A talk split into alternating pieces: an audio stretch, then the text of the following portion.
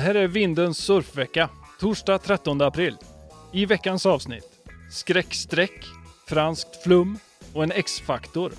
Påskveckan bjöd på mycket sol, men inte så mycket surfgodis. Några teasers kom och gick i prognosen, men det blev ingenting av det. Senaste surfet för min del börjar bli ett väldigt svagt minne nu och som ni ser här så börjar abstinensmätaren stiga mot en oroväckande nivå. Här är ett restaurerat klipp från förra gången jag var i vattnet. Eller ja, det är ju egentligen den första filmen på en surf någonsin i Hawaii 1906. Men det känns typ lika länge sedan. Förhoppningsvis vaknar havet till liv snart igen, men tills dess kan vi njuta av perfekta digitala swell i veckans vågor. Jag har varit ute på äggjakt och letat efter de finaste exemplaren i 916-formatet. Det här är vad jag la i korgen denna veckan. På tredje plats hittar vi det här, sista åket för denna vintersäsong. Det är perfekt corduroy carving från Japans Yoshikago som visar varför det ibland räcker med två, tre riktigt djupa bottom turns åt varje håll. På andra plats, när vi lämnar den japanska snön för denna gång, hamnar vi i Brasilien på den här galna dubbeltrubbel höger-vänstern. Junior Rocha och Hugo Nascimento tar en varsin våg som sen blandas ihop till en och samma våg, men på ett imponerande sätt undviks en krock. Jag gillar hur de tittar på varandra efteråt här, som om de för första gången ser sin egen spegelbild eller något. Ja, riktigt bra. Men inte lika bra som veckans första plats, där vi har den här, på alla sätt perfekta vänstern från Fijis Restaurants. Noah Mizuno hinner med både frukost, lunch, mellanmål och middag innan han avslutar med ett kvällssmack.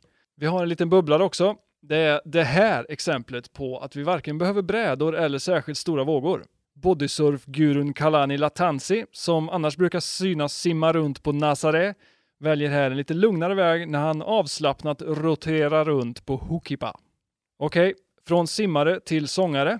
Det har blivit dags för veckans vax. Ljudvågorna som har vibrerat mest hemma hos mig den här veckan kommer från den här. John Stewarts Bumps Away Dream Babies från 1979. Den här skivan är ju något så ovanligt som ett album helt utan utfyllnad. Likt ett set med perfekta vågor så radar Stewart upp 10 stycken hits. Och precis som när ett set kommer rullande kan det vara lite svårt att välja rätt. För mig brukar det ofta sluta med att jag inte kan hålla mig och paddla för den första. Ja, så varför inte börja med första spåret som passande nog heter Gold. Den går så här. down in the California town. People are in for the evening. I jump into my car and I throw in my guitar. My heart beating time of the breathing. Driving over Canaan, singing to my soul. There's people out there turning music into gold.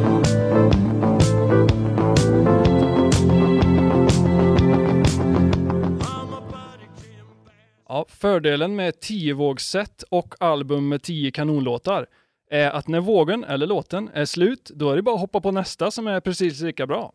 I det här fallet heter den Lost Her in the Sun och den går så här. Lost her in the sun.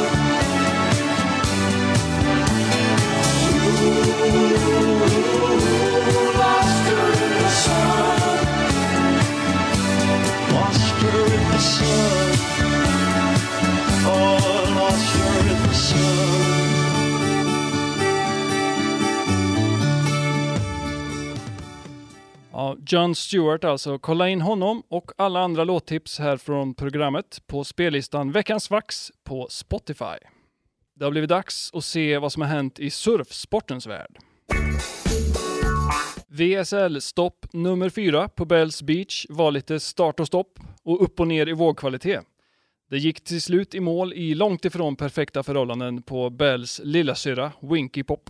Förutom slutsegrarna Ethan Ewing och Tyler Wright som klättrade till femte och andra plats på rankingen så var tävlingens utropstecken helt klart Xavier Huxtable. Hans första motståndare, Jack Robinson, såg superfokuserad ut redan från start. Så pass att han pausade mellan sina perfekta airs för en snabb flytande 5 sekunders meditation. Men i åttondelen tog Jacks attack slut när han på nytt mötte försöksvinnaren Huxtable. Imponerande start och hoppas vi får se mer av The X-Man i framtiden. Tävlingens största frågetecken var Tom Currens flummiga franska fenor. Hur funkar de? Vilken magisk svamp inspirerade till formen? Och hur fort kan jag få hem ett par om jag beställer dem idag? Så många frågor, så få svar, men att döma av Currens surfing så borde vi alla prova ett sätt.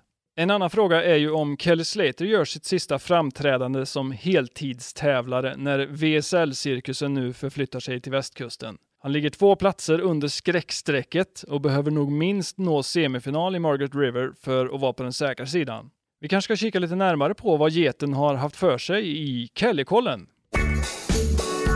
Ja, efter att han gratulerade Formel 1-kompisen Lewis Hamilton i Melbourne och välsignade en bebis på Bells-parkeringen fick ju Kelly bara tre hit i tävlingen. I det första såg hans bräda och eller fenor lite tröga ut tyckte jag och han kom aldrig över fem poäng. I förlorarrundan klarade han sig nätt och jämnt vidare i lite brötigare vågor, men en hungrig Igarashi satte sen stopp för Slater i tredje rundan. Vi lämnar sporten och Slater för den här gången och går vidare till vädret. Prognosen för de kommande dagarna här på västkusten är ungefär lika kul som en ding på en ny bräda. I öster däremot ser det ut att kunna bli en kul lördag och kanske söndag. Veckan efter bjuder på mer högtryck och låg stoke, så vi får hålla ut och hålla till godo med skate i solen. Det här var allt för den här gången. Vi ses snart igen med ett nytt fullproppat avsnitt. Tills dess, ha det bra!